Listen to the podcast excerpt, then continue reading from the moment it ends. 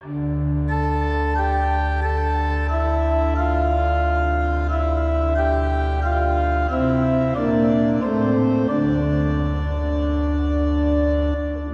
till eh, FFG-podden med mig, Kristoffer Helle. Och idag så har jag med mig Timo Lato. Välkommen! Tack så mycket! Roligt att vara åter här. Ja, och vi spelar in över länk. Du befinner dig i Finland. Det gör jag faktiskt. Hälsningar från uh, uh, mitt hemmaplan. Mm. Och, uh, I Finland, har ni Swish i Finland, Timo? Um, swish? Ja. Vad va menar du? Så man kan skicka pengar över telefonen? Ja, det har vi, men, men, men, men vad va, va, va tänker du på? För jag tänkte om man vill bidra till den här poddens fortsatta arbete, då kan ja. man göra det på Swish. Absolut, och, och, det går också bra från, från Finland, jo. Det gör det, ja. Så då, kan Absolut. Du, då, då är numret 123 100 8457 och så märker man det med FFG Podcast. Okej, okay, bra att veta. Och numret, för de som inte hängde med så finns numret också i avsnittsbeskrivningen eh, under avsnittet i din poddapp eller så.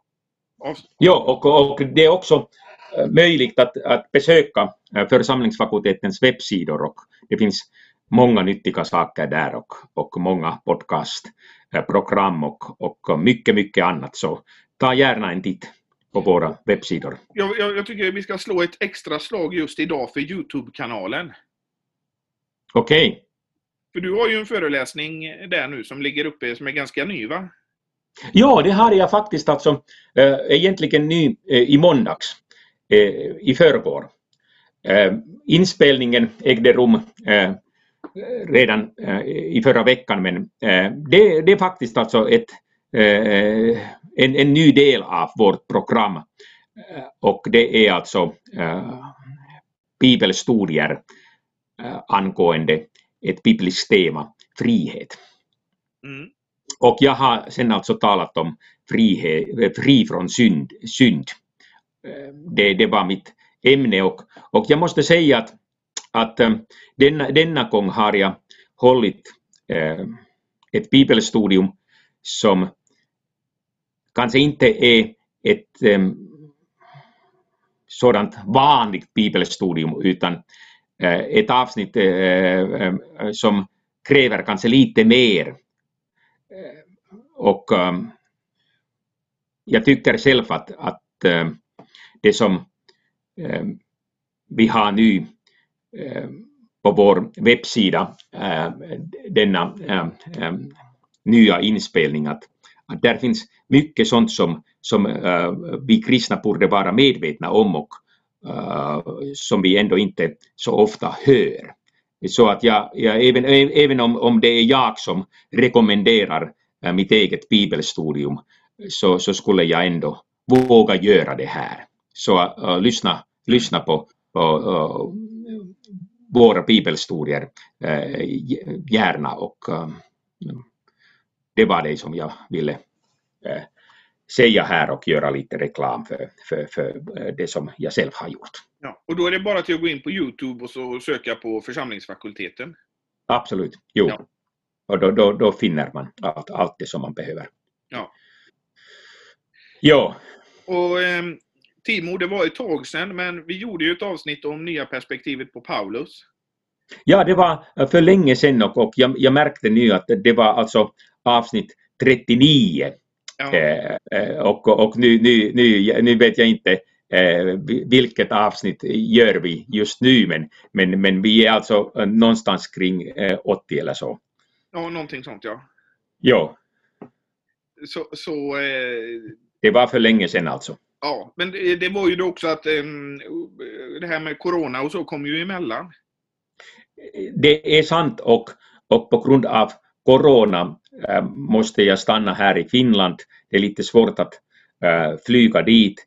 Men jag har kunnat äh, undervisa via länken och, och det har gått bra tycker jag och, och det är fantastiskt att vi har denna moderna teknik och, och, och jag är också så glad över dig Kristoffer att, att, att du kan göra sådana här inspelningar och um, du har visat din skicklighet på, på, många, på, på många olika sätt och, och jag, jag är jättetacksam för, för sådana personer som, som, som um, kan den nyaste tekniken och, och jag själv är inte, inte någon något tekniskt geni utan, utan jag, jag är helt beroende på, på personer som, som, som du. Ja, tack för det. Jag vet inte om jag är den bästa på den moderna tekniken men eh, jag får det till att fungera i alla fall. Jo, det, det, det är mycket eh, roligt och, och ett stort tack för det. Men vårt förra avsnitt så, så pratade vi lite om en eh, introdu introduktion till det här nya perspektivet på Paulus och judendom och, och, och så här. Ja. Men idag så, så tänkte vi att vi skulle gå lite djupare. Och gå in på det här. Det ska vi göra. Och då är det det som den kallas för den, den eh, Weberska linjen. Jo. Och vad, vad är det, Timo? No, det är alltså en, en akademisk synvinkel. Alltså, eh, vi kan säga att, att tidigare har kristna teologer betonat att eh, judendomen huvudsakligen överensstämmer med kristendomen. Eh, det var en stark tendens i ordkyrkan, i fornkyrkan. Man ville alltså säga att eh, kristendom inte kommer med nya läror utan Nya testamentet beskriver hur allt har blivit uppfyllt. Allt det nya står i överensstämmelse med Gamla testamentet. Och på det viset ville de första kristna inte säga någonting annat än att det som vi predikar, det är just det som vi finner i Gamla testamentet, men nu har vi uppfyllelsetid. Eh, nu har Jesus kommit och uppfyllt allt det som vi har i Gamla testamentet. Men då märker vi alltså att, att vi har äh, denna tendens att äh, kristendom överensstämmer med judendom och det var viktigt att understryka denna aspekt och, och så har det gått alltså en, läng, en lång, lång tid. Men sen eh, småningom kommer vi till slutet av 1800-talet. Och då förändrar sig allt. Då började eh, man nämligen eh, sätta judendom och kristendom mot varandra mer och mer. Och eh, denna utveckling hänger ihop med eh, vissa eh, filosofiska moderiktningar då för tiden.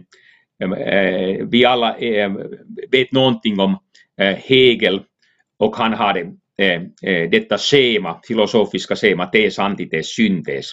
Och när vi har sen alltså tes och antites, de är liksom varandras motsatser och det var typiskt för då för tidens filosofer och sen efteråt också teologer att tänka ähm, i motsatser. Kan vi säga, och, kan vi ja. säga att det är ett resultat av upplysningen att det här kommer? Det kan vi säga.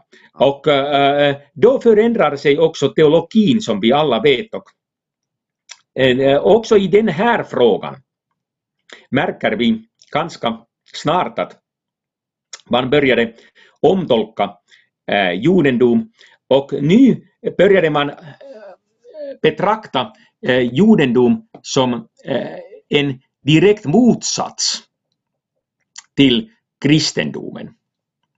Och den första som konsekvent framställde judendomen som en motsats till kristendomen, han heter Ferdinand Feber.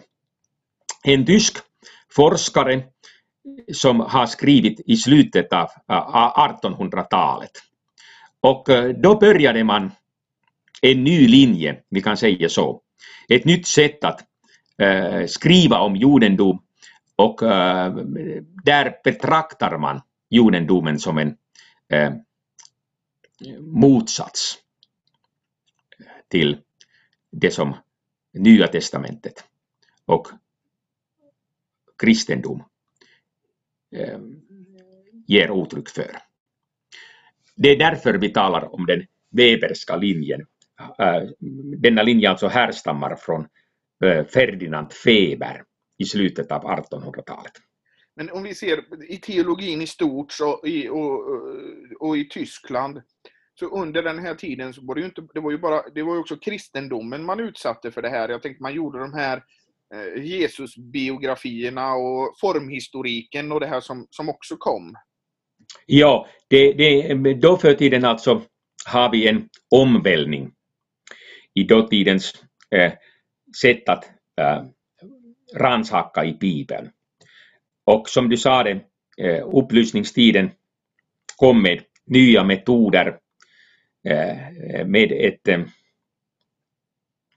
eh, tvivel mot Bibelns dogmer, läror, synpunkter. Och då har man alltså utvecklat mycket sånt som först ny, i dagens situation börjar se ut um, uh, lite. Äh, det, det, det, ser, det, det ser uh, ut att, uh, att det inte, inte mer är aktuellt men, men, men alltså egentligen alltså det tog ehm, över hundra år att fatta det här. Och vi kommer att se också i, i vår inspelning den här gången att, att det tog en längre tid innan vi började inse att det är något fel med en, en sådan eh, saplonmässig bild av judendom. Men det finns ju inte en, en judendom heller. Eh, utan vi, mm vi ser ju redan under Nya Testamentets tid så finns det ju flera olika inriktningar. inriktningar. Vi har ju fariseism och saduceer och sen har vi ju kumransekten och, och, allt. Så det finns det är inte en, en, enhetlig, precis som kristendomen inte är enhetlig. Vad, va bra att du påpekar det där. Eh, sen, sen kan vi ändå säga att när det gäller denna Weberska linje, då har man ofta kommit med eh, sådana Äh, tankegångar att, att judendomen ändå äh, ser ganska enhetlig ut. Och även om det finns olika grupperingar så ändå tänkte man att alla judar var sådana religiösa ivrare som ville förtjäna sin frälsning enbart på grund av sina goda gärningar och försökte sen prestera något, något inför Gud också. Det är alltså en trend i slutet av 1800-talet och i, sen, sen också på 1900-talet. Och det är det som vi ska tala om lite mer den här gången. Men Weber, vem, vem var han egentligen? Han var alltså en tysk forskare och han eh, skrev eh, ett arbete som på eh, tyska heter System der Altsynagogalen, palestinisen teologi. Och han använder det som sina källor Tarkumer, Midras och Talmud och, och så. Sen har man eh, reviderat hans bok senare och gett ut samma bok under namnet Jüdische Theologie aufgrund des Talmud, Talmuds und Verwandter Schriften. Eh, han var alltså en, en tysk forskare som eh, ville eh, skissera upp den eh, judiska palestinska teologin och han kallar eh, den judiska teologin att, att, att det är fråga om ett system. Och äh, sen vill han visa hurdant äh, system det är fråga om att det är ett system där man försöker förtjäna sin frälsning äh, och bortse från Guds nåd helt och hållet. Och, eh, han, han, eh, var var han verksam någonstans? Alltså i, i Tyskland. Mm. Där, där har han alltså, alltså skrivit och, och när det gäller alltså denna äh, Weberska linjen så egentligen de mest prominenta representanter av den Weberska linjen, de alla härstammar från Tyskland. Det kan vi förstå på det viset att, att Tyskland var ju teologins centrum då för tiden. Och på det viset, eh, om man ville följa sin tid och vara modern och uh, en eh, högaktad vetenskapsman, så, så var man nästan tvungen att följa eh, eh, strömmen och säga samma sak. Och det var Ferdinand Weber alltså känd för det kanske inte var konstigt att de här strömningarna kom upp just i Tyskland, för vi pratade innan om de här eh, Jesus-biografierna till exempel. Där man, där man skulle komma fram till vem Jesus verkligen var. Och det man kom fram till var att han var en tysk man på 1800-talet. Jo, och, och då har man alltså börjat mer och mer jämföra kristendom med eh, hellenistiska religioner. Och vi har denna religionshistoriska skolan då för tiden.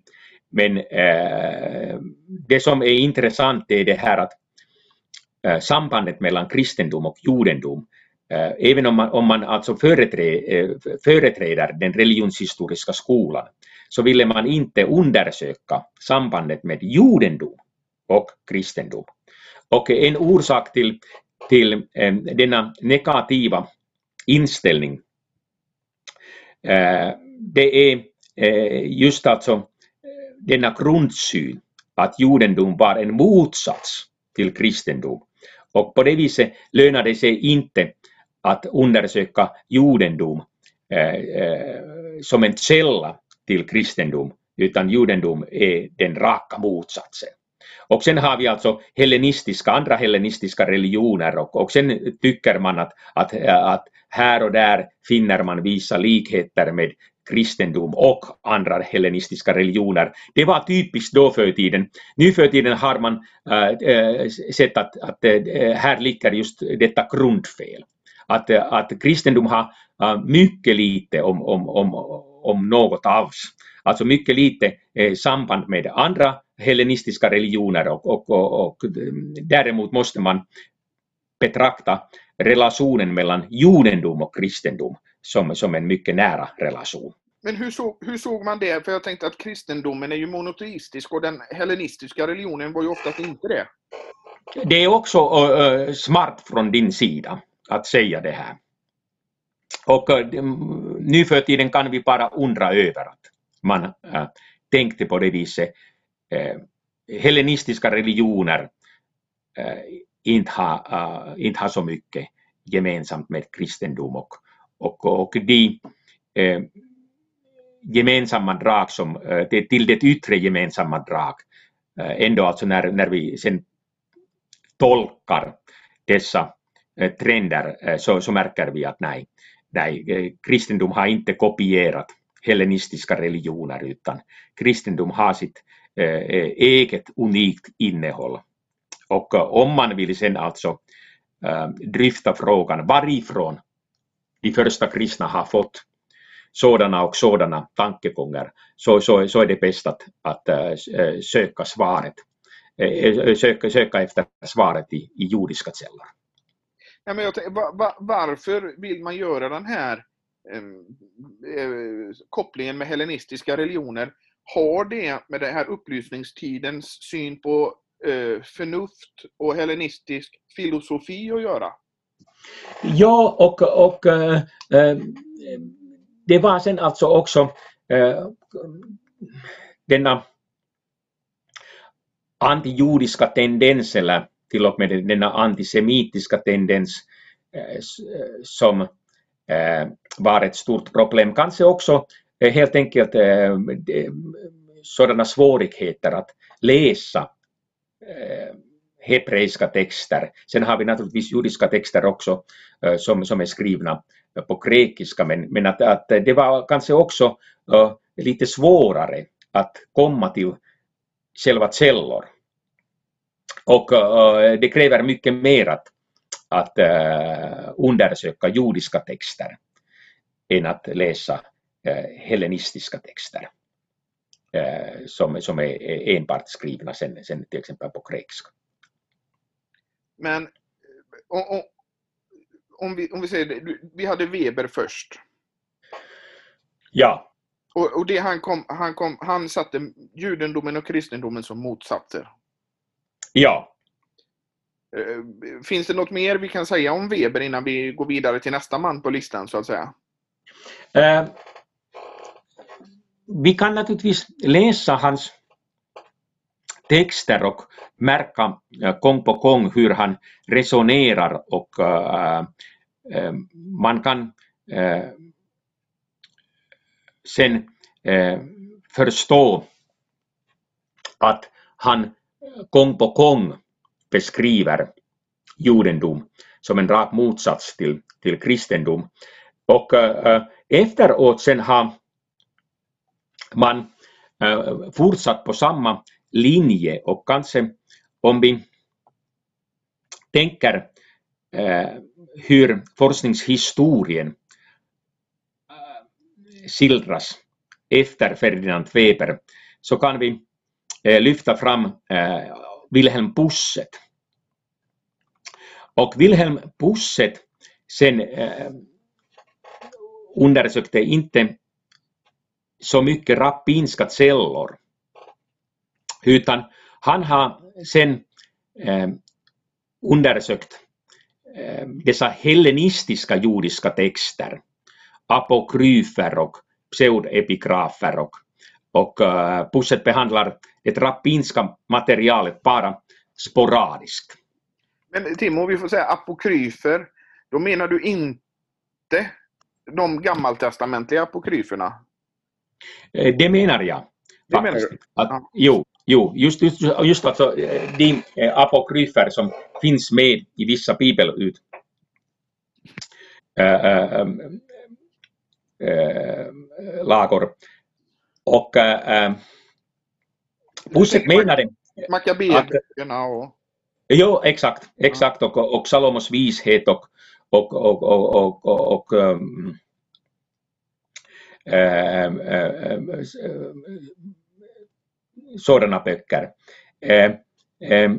Och Pusset menade att,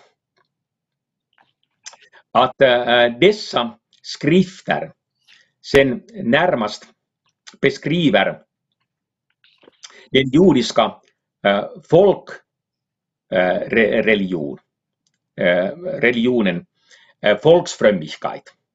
Och därför menade Pusset att det var viktigt att läsa dem, och just dem, och inte den rappinska litteraturen som sen eh, representerade eh, eh Gelehrtenfrömmigkeit, alltså eh, en sådan fromhet som var känd bland de lärda. Och ehm, eh, där har vi alltså en forskare som jobbar med andra källor jämfört med eh, Ferdinand Weber. Ferdinand Weber undersökte de rappinska källorna och Pusset sen eh, dessa eh, apokryfer och pseudepigrafer. Men ändå kom man till samma resultat egentligen. Pusset menade också att, att kristendom är närmast en motsats till kristen, eh, att judendom var en motsats till kristendom och äh, hans bild av judendom inte desto mer skiljer sig från Webers äh, syn. Sen äh, kan man säga att det som Pusset särskilt mycket betonar, det är denna lära om Guds avlägsenhet och otillgänglighet inom judendomen. Och varför eh, blev det på det här viset, det kan vi eh, diskutera senare, men, men det är typiskt för Pusset att han betonar mycket denna eh, äh, gudssyn inom judendomen och menar att judarna tänkte att Gud är, är, är avlägsen och otillgänglig. Äh, han existerar där någonstans i himmelen och är inte så mycket intresserad av äh, Israels historia eller Israels eh, nuvarande situation. Och sen också Pusset menar att eh, fädernas förtjänster som eh, judarna ofta talar om, att problemet med fädernas förtjänster är att, att de inte kan överföras till andra.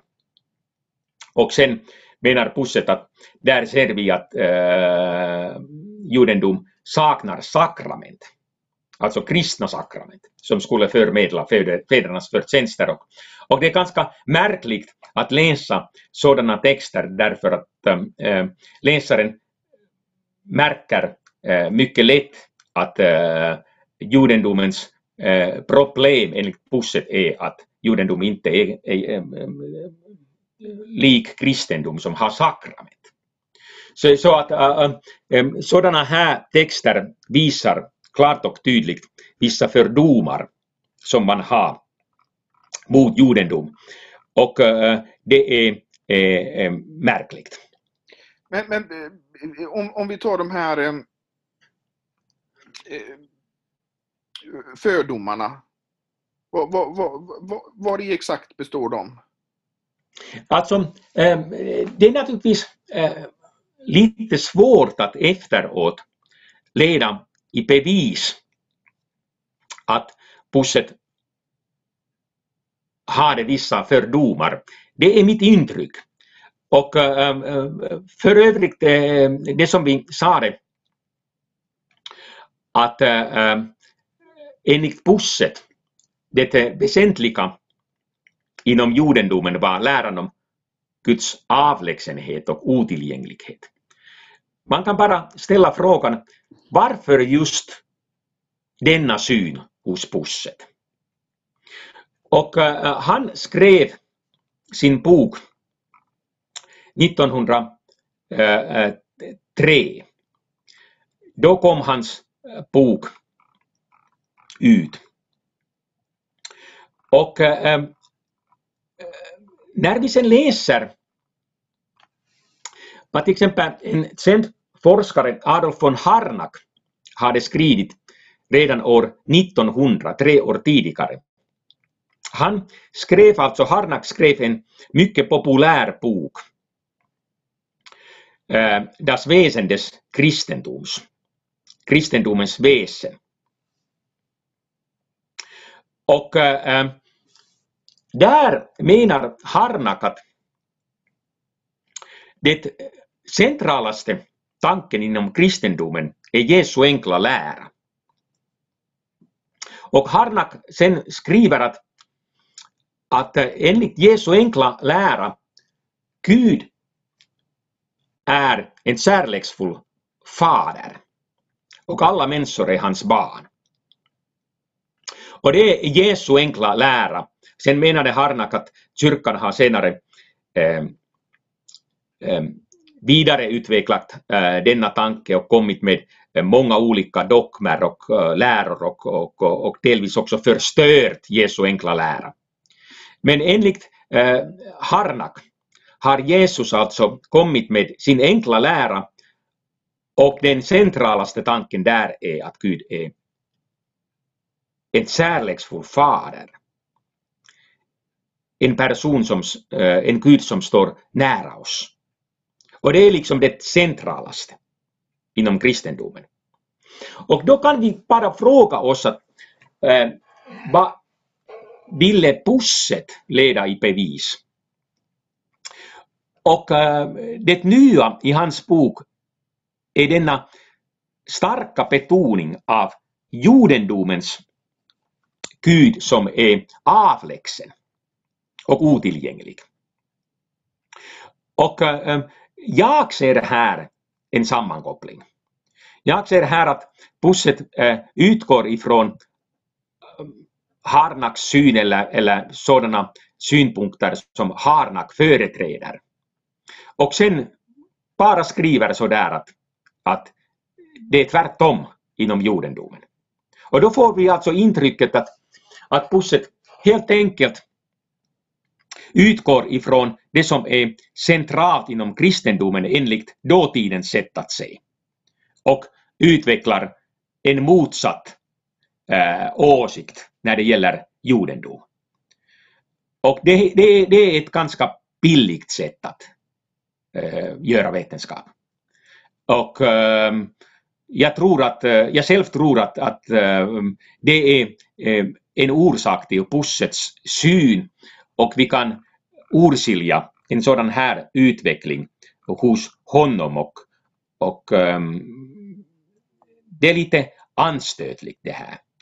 Uh, att man uh, kan göra så och, och en eh, känd vetenskapsman resonerar uh, på ett sätt som visar hans fördomar mot judendom. Och det, det, det är ungefär det här som jag menade när jag sa det, att, att, att det finns starka fördomar mot judendom. Det, det som jag tänker på, det är två saker.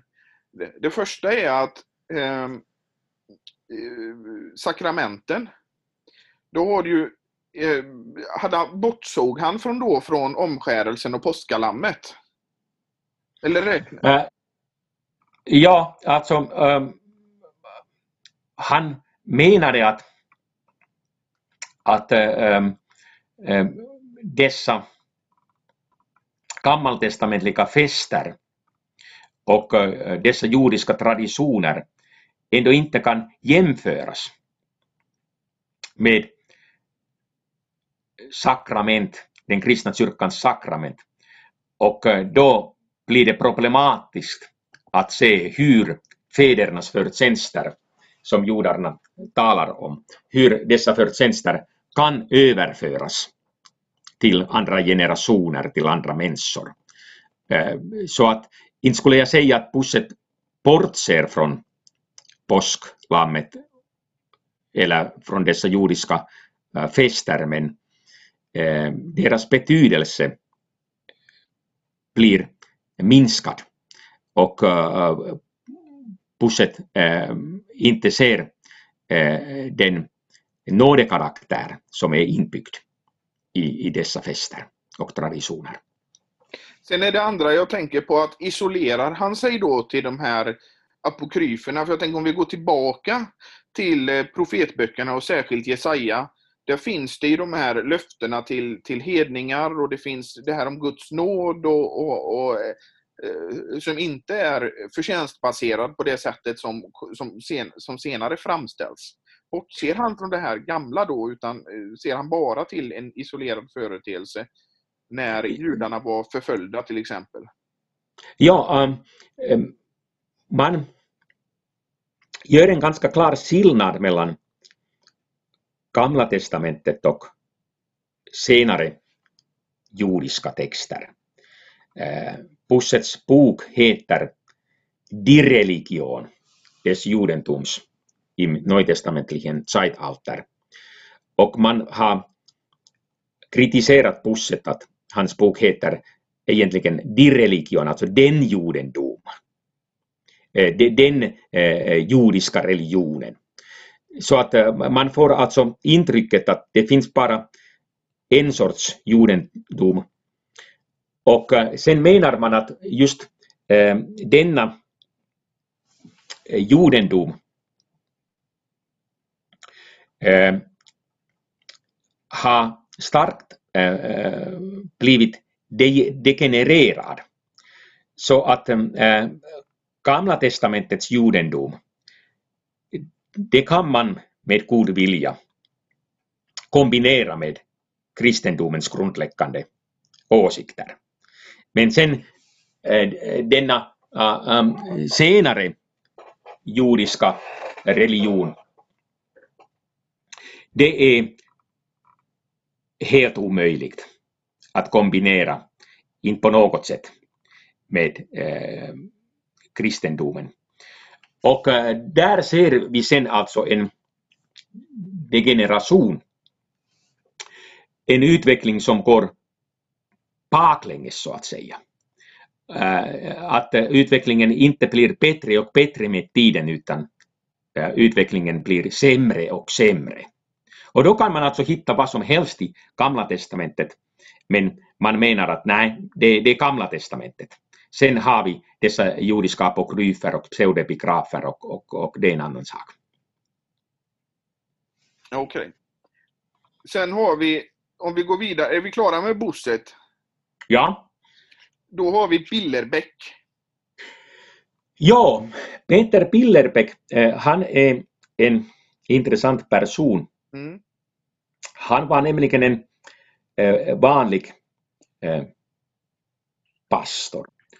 Eller vanlig och vanlig, men, men i varje fall han var ingen vetenskapsman i ordets egentliga betydelse. Han var mycket intresserad av judendom och han var kunnig på många sätt. Eh, han var påläst och han eh, läste judiska källor flytande och han började sen samla judiska texter som på ett eller annat sätt liknar nytestamentliga texter. Och han skrev och skrev och samlade eh, olika texter och till sist blev det alltså en eh, omfattande bok eller eh, eh, flera eh, böcker. Men han var smart också på ett annat sätt. Han började förstå att om han ger ut boken så eh, kommer hans resultat inte värderas så högt därför att han saknar denna akademiska kompetens eller eh, den akademiska ställning. Och då gick han till eh, Strack eh, som var en eh, professor som var professor i, i dåtidens Tyskland och känd för sina Eh, forskningar. Och han eh, presenterade det som han hade skrivit och strax tyckte att det här är fantastiskt. Och då menade Pillerbeck att nej, eh, skulle det vara möjligt att vi ger denna bok, vi ger denna bok ut, vi båda. Så att om du kan ge ditt namn och garantera att det här är en bra bok och, och sen kan vi ge ut boken tillsammans, även om jag har skrivit det. Och Strack eh, gick med på eh, denna eh, hemlighet och så har man gett ut boken och det heter Strack Pillerbeck, kommentar zum Neuen Testament aus Talmud und Midrash. Men sen, det var Johan Jeremias som på 60-talet har, av, har velat avslöja bluffen och visade att det var egentligen Peter Pillerbeck som har skrivit boken, han alena. Och äh, naturligtvis äh, måste vi sen bedöma Pillerbecks kommentar som Neuen Testament aus Talmud utifrån det som han skriver. Och jag måste säga att Pillerbeck faktiskt har gjort ett fantastiskt arbete på många sätt. Han har kunnat samla dessa parallella texter från judiska källor och fortfarande kan man använda hans kommentar och se eh, att judarna har skrivit på det där viset och det liknar det som vi har i Nya Testamentet. Så att det är alltså en sån resurskälla, guldfynd, eh, det som Pillerbeck har gjort. Eh, och det mesta som han kommer med är just alltså citat, citat, citat efter citat. Och det är bra, därför att det är fråga om citat. Det är alltså autentiska judiska källor. Men då och då skriver han då eh, korta exkurser. Och i fjärde delen av, av um, sin kommentar till Nya Testamentet, där sammanfattar han den rappinska soteriologin i en kort exkurs, det är alltså ungefär tio sidor. Och då understryker han att rappinismen var en religion völligster Selbsterlösung. Och det betyder alltså att rappinismen företräder en religion där man eh, på ett fullkomligt sätt försöker frälsa sig själv. Och eh, sen menar Pillerbeck att rappinismen inte har något rum för frälsaren som dör för världens synder. Och där har vi sen alltså Pillerbecks eh, sammanfattande syn på den jordiska frälsningssynen, eh, soteriologi. Och hans bild är ganska dyster, alltså en religion völligst der Selbsterlösung, att det är bara äh,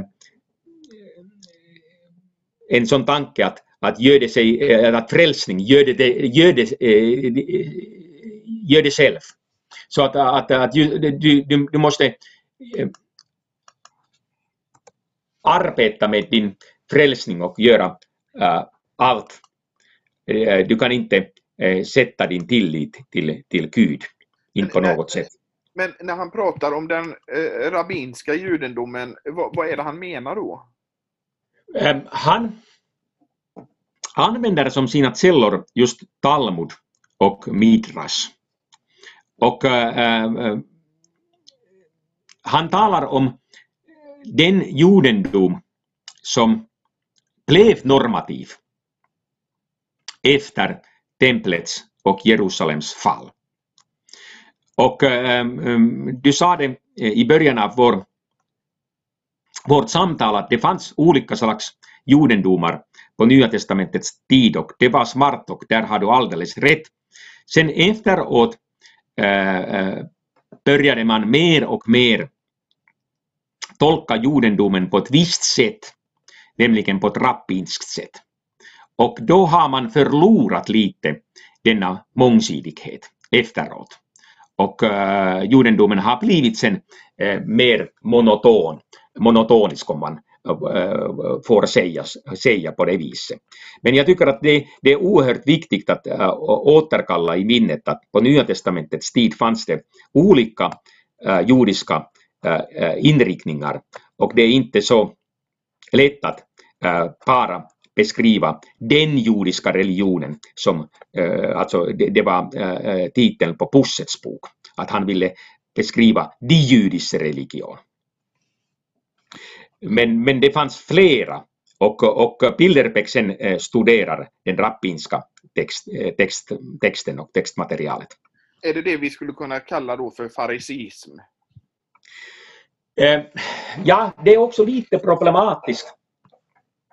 Eh, eh, tidigare har man tänkt på det viset att fariseism sammanfaller med rappinism. Och det gör sen också till exempel Hugo Odeberg mm. i Sverige. Det var det jag men, tänkte på. Ja, men, men det är egentligen eh, inte riktigt eh, på det viset, eh, utan också fariseismen förändrade sig eh, senare och eh, inte minst på grund av Jerusalems och templets fall och inte minst på grund av eh, kristendom som blev starkare och starkare. Och sen har man eh, kunnat se i de rabbinska källorna hur rabbinerna har utvecklat vissa tankar mot kristendomens tankegångar. Så att äh, uh, uh, um, till exempel denna äh, alltså Isak förbindelse och Abrahams villighet att offra sin egen son.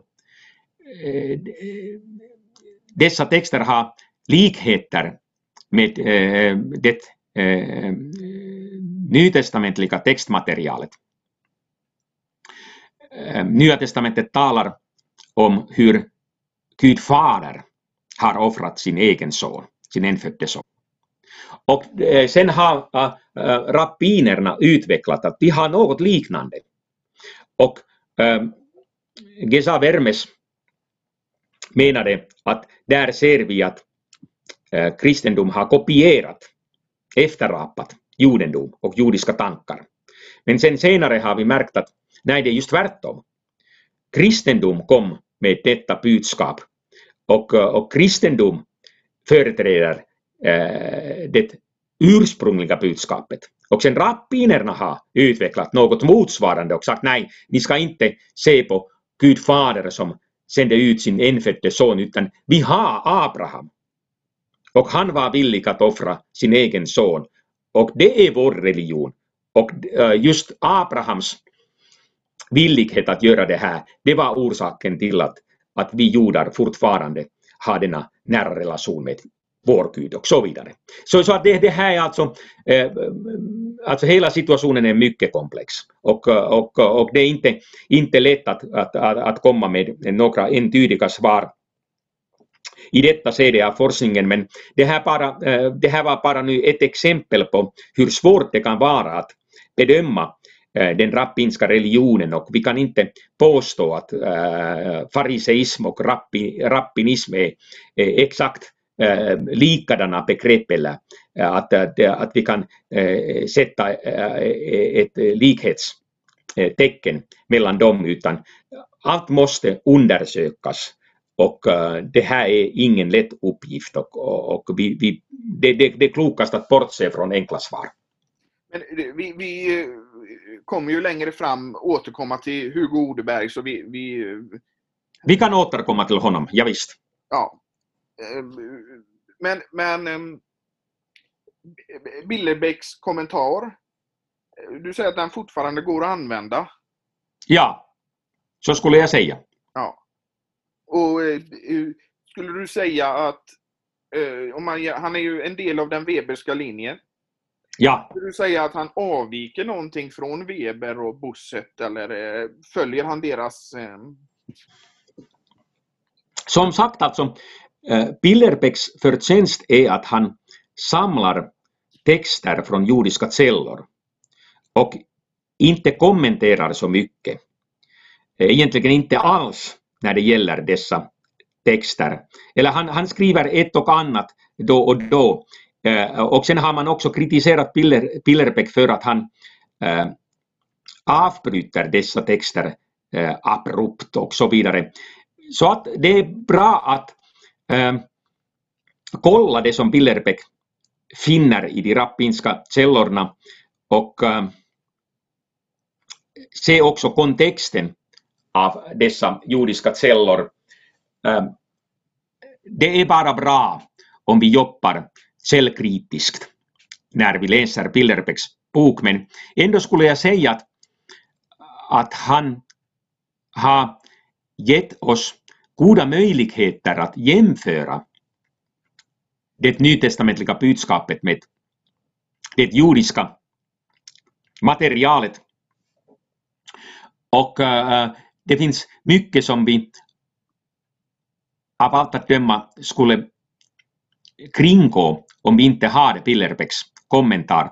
Så att på det viset skulle jag säga att det är fortfarande nyttigt att använda Pillerbäcks bok, men sen när han som sagt, sen skriver han några korta exkurser då och då. Och då får han själv komma till ord och tala till punkten.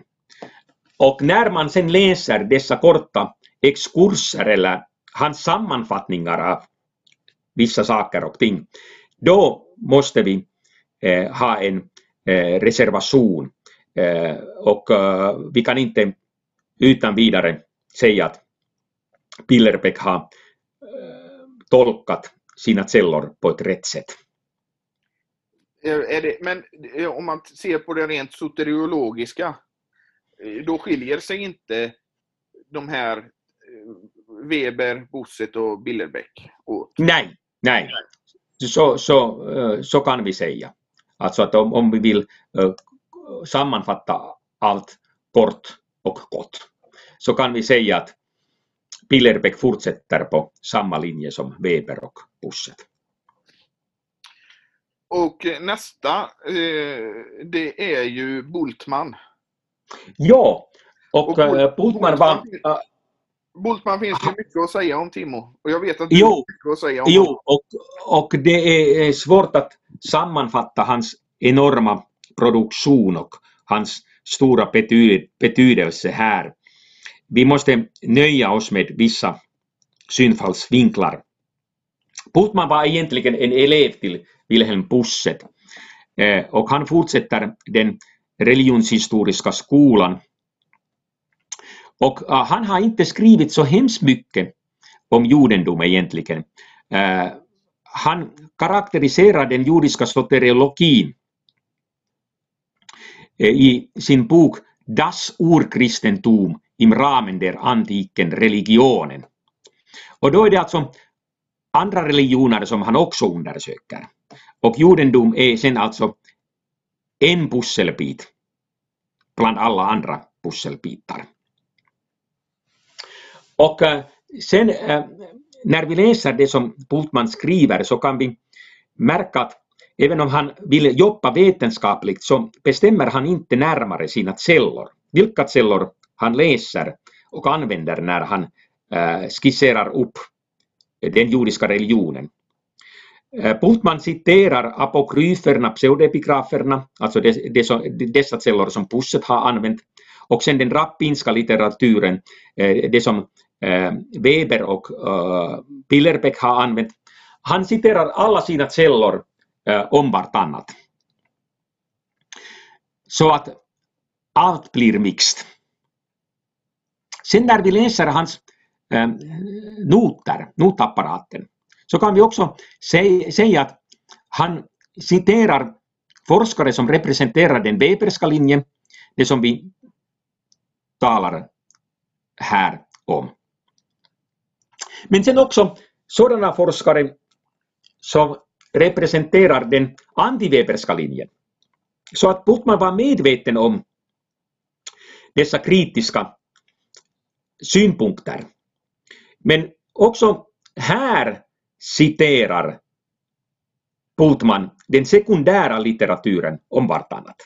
De som var för och mot eh, den Weberska linjen, eh, anything goes. Han hänvisar till, till, till både och, eh, till, eh, och, och eh, också där allt är mixt. Så att när jag läser Bultman så på något sätt får jag vissa dubier som, som man brukar säga, äh, tvivel. Man börjar tänka, nej men vad är det här? Äh, all right, all right. Äh, sen äh, kan vi ändå säga att Bultman också äh, inte tycks ha läst dessa judiska källor själv. Utan han närmast alltså hänvisar till sekundärlitteraturen, till de som representerar den Weberska linjen eller också de forskare som är emot den Weberska linjen. Och närmast alltså har han äh, fått sin bild av judendom via andra forskare. Men Putman var äh, ändå på sätt och vis ett geni. Eh, jag vill inte säga att, att hans teologi var bra, men man märker att han var medveten om judendomens starka betoning av Guds utkårelse, förbund och Guds nåderika handlande i Israels historia. Och det är något nytt och det är berömvärt att Putman blev och var medveten om dessa aspekter inom judendomen.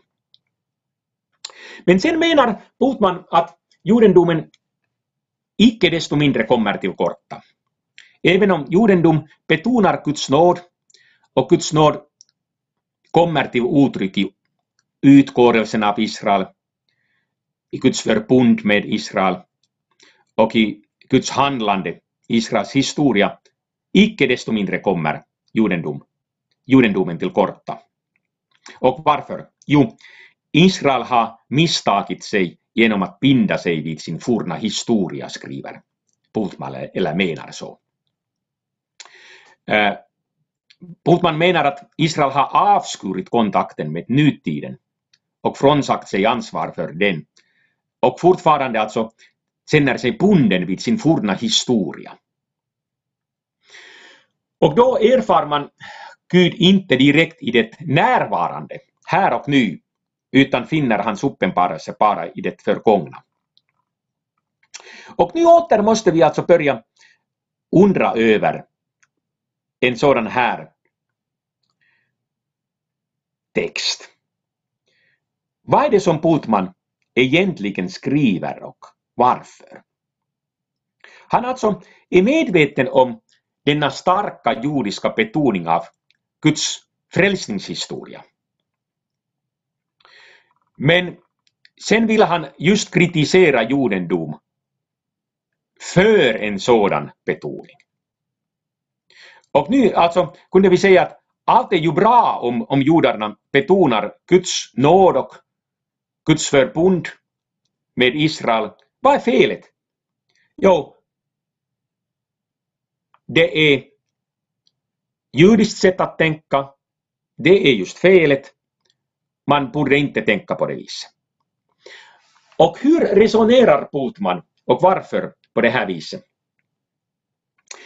Eh, här också kan vi alltså eh, tänka att Putman antagligen utgår ifrån sin egen teologi. Det är naturligtvis svårt att bevisa men om vi läser Putmans hermeneutik och det som han skriver om kristendomens grundläggande tankar.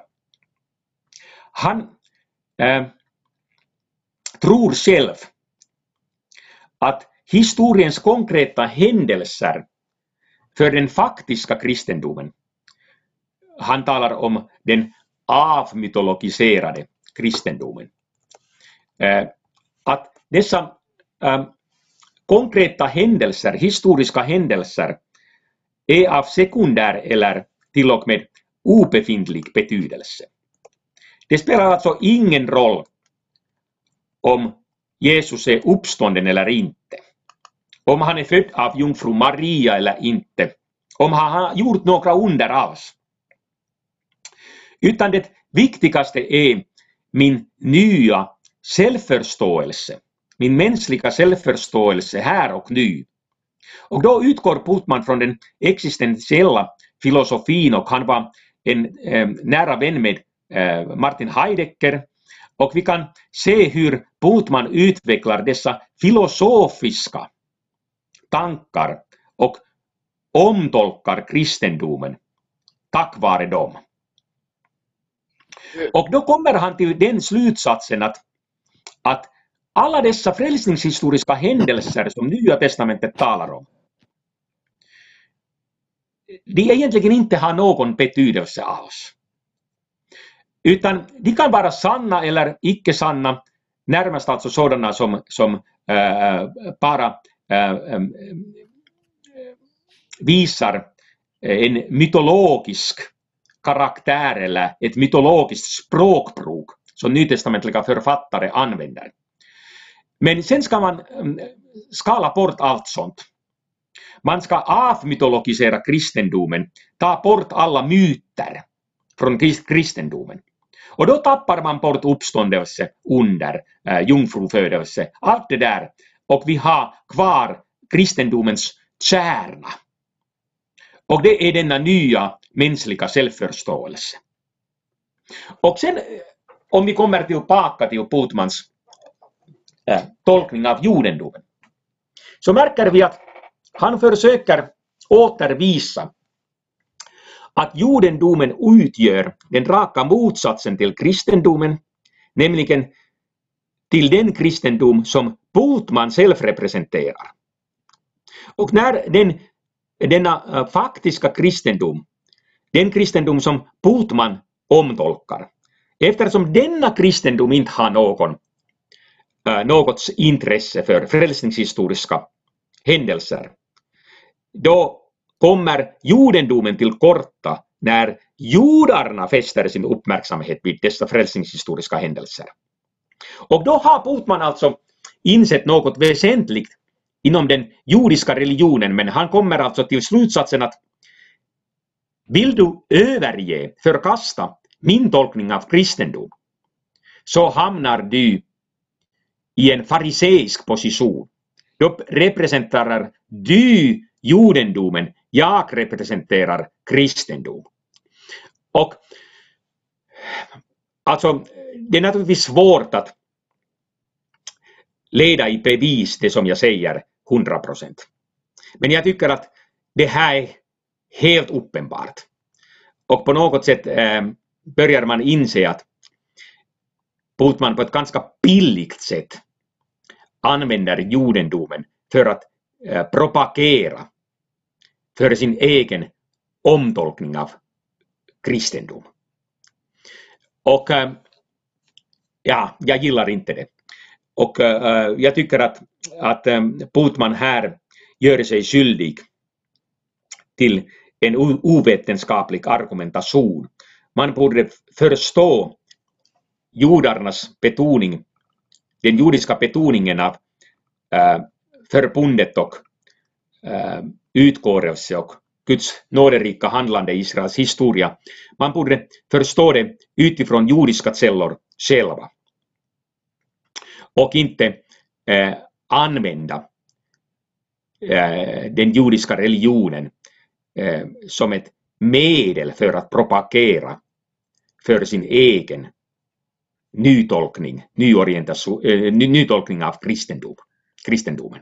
Det, det, det är alltså problemet. Men ja. vi, vi, har ju, vi har ju alltså att Bultman har ju använt olika metoder. Vi har ju till exempel eh, den formhistoriska skolan, där som vi har varit in, men han, också, han använder olika metoder för att eh, förklara sin modell. Glossa är ju ett av dem till exempel.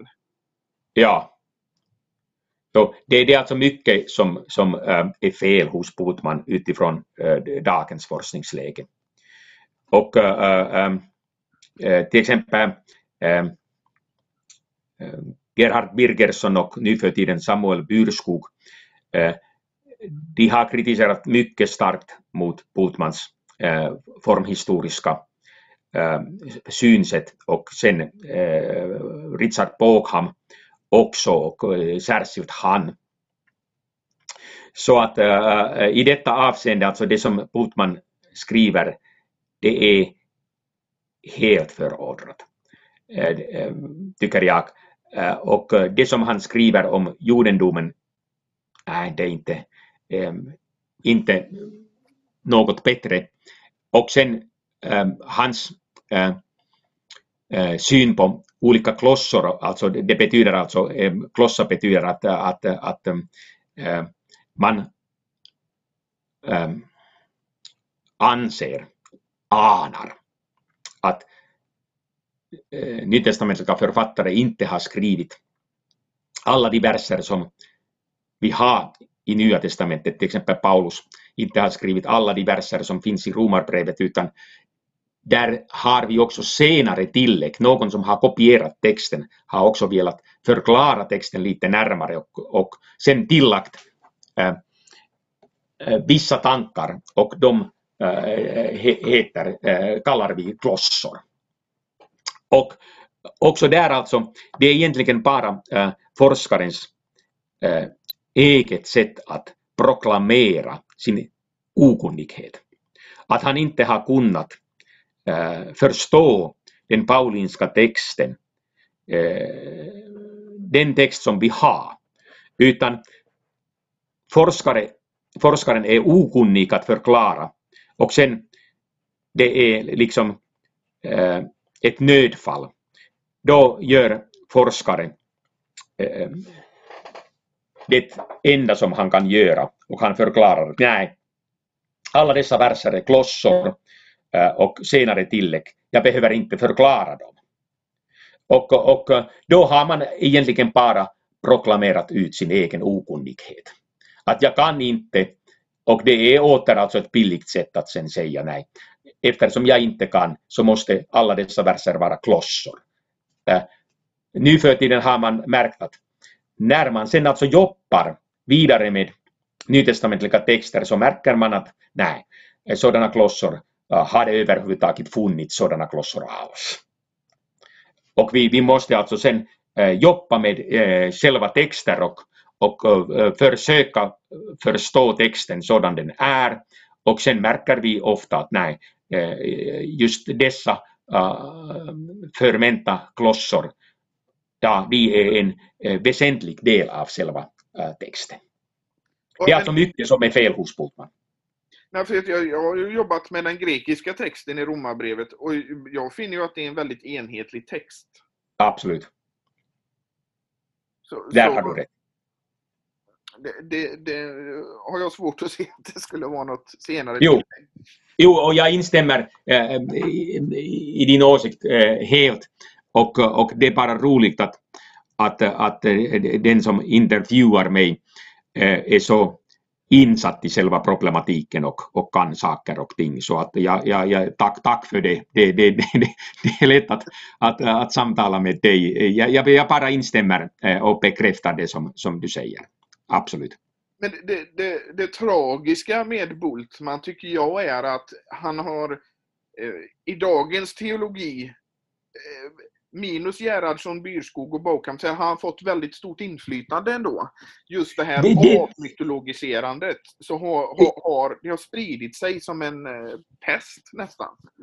Ja, och det var så eh, tidigare. Nu, nu har jag alltså fått intrycket att, att, att Putman är helt föråldrad.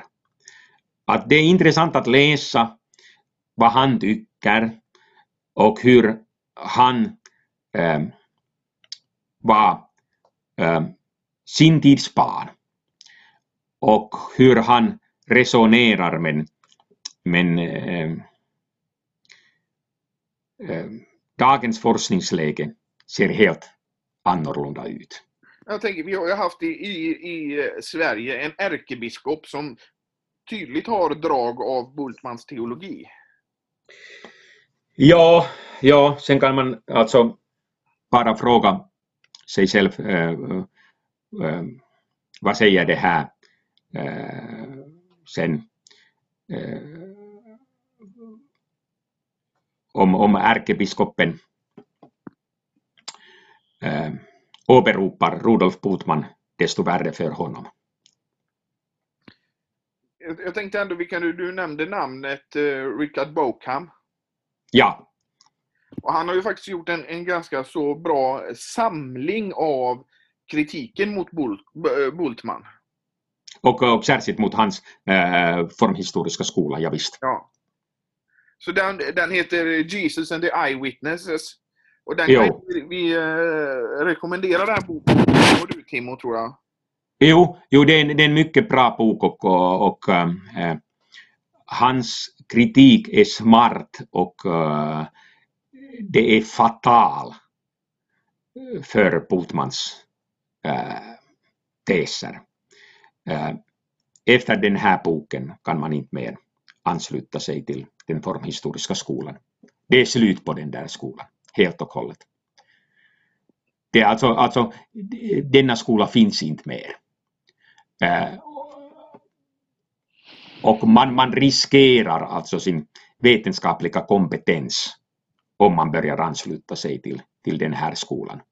Jag skulle säga att, att den här skolan finns inte mer. Bara alltså äh, i, i böcker som vill visa ödesdigra fel i, ähm, den vet, inom den vetenskapliga teologin. De kan mycket väl alltså undersöka den formhistoriska skolan och, och se hur allt gick åt skogen. Ja, det, det kan jag hålla med om. Ja, ja. Så, så att det, det är alltså helt föråldrat och, och, och, om det är alltså någon biskop eller någon forskare som ansluter sig till, till, till, till den här skolan eller, eller, eller vissa grundläggande tankegångar i Putmans teologi så tycker jag att, att äh, äh, alltså en, en saklig eh, diskussion förutsätter att, att, eh, att eh, sådana teologer eh, börjar omtänka sin grundläggande syn. Det kanske är ett framtida avsnitt att vi skulle kunna diskutera lite om den här formhistoriska skolan. Alltså jag tycker att, att, att, att Bokham har gjort det på ett bra sätt. Och, eh, och Birger Gerhardsson och Samuel Pyrskog likaså, så att jag har inget behov att göra samma sak på nytt. Utan, utan jag, jag, jag är eh, bara tacksam för eh, det som vi har och, och eh, roligt att, att, att veta att, att, att äh, äh, dessa teologer och exegeter, de har arbetat med problematiken och, och de har gjort det som, är, Eh, det, det som var nödvändigt och, och de andra kan eh, läsa det som eh, de har skrivit i detta avseende med en stor beundran. Men om vi, vi gör en liten, liten sammanfattning av den här Weberska linjen så ser jag att eh, till en början då så har vi Weber, vi har Bosset och, och Billebäck och då är den soteriologiska slutsatsen liknande. Men till den Weberska linjen så hör också Bultman, men han skiljer sig åt lite ändå. Ja, eh, alla dessa representanter på sitt eget sätt vantolkar judendomen, så skulle jag säga, och eh, vanställer judendomen. Och eh, då blir det intressant att komma till den antiweberska linjen. Och, det, och, och, och, jag har uppfattat saken så att det kommer vi att göra i närmaste framtid. Ja. Så att, att det här är inte allt vi har att säga om Ehm, den jordiska frälsningssynen utan det finns mycket annat. Men att eh, nu har vi behandlat denna negativa sida och ehm, sen kommer vi till, till den antiweberska linjen och, och sen försöker vi också bilda en egen uppfattning och, och visa um, en balanserad bild av förhållandet mellan judendom och kristendom. Mm. Ska vi sätta paus där för idag? Ja, jag tycker att, att vi kan äh, sätta punkt här och eh, som sagt vi fortsätter nästa gång om vi lever och om Gud vill. Det får vi alltid eh, tillägga och, eh, och inte minst nu under coronatider. Så att, att fortsättning följer Eh, lyssna på FFGs eh, poddkanal. Det är eh, roligt och, och nyttigt tycker jag. Tack, tack så hemskt mycket Kristoffer för, för denna gång åter. Ja, och vill man, vill man så kan man gå in och så eh, gärna betygsätta eh, våran podd. Eh, i, I de okay. här poddapparna som finns. Fint. Då kommer vi också högre upp i sökstatistiken och så. Och eh, dela gärna med er till vänner och bekanta av den här eh, våran podd, eller hur Timo? Ja, absolut. Och även FFGs Youtube-kanal ska vi påminna om igen tycker jag. Jo. I, början. då går man bara in på Youtube och så söker man på församlingsfakulteten. Exakt. Och sen om man vill bidra till den här poddens fortsatta arbete så kan man ju göra det på Swish. Och då är nummer 123 100 8457. Och så märker man det med FFG Podcast. Och numret finns också under avsnittet i avsnittsbeskrivningen här. Har du något mer att tillägga Timo? Nej, jag, jag tror att jag har småpratat här äh, ganska mycket så att, att äh, det är bäst att tiga och, och sätta punkt. Äh, ännu en gång ett stort tack, Kristoffer. Tack.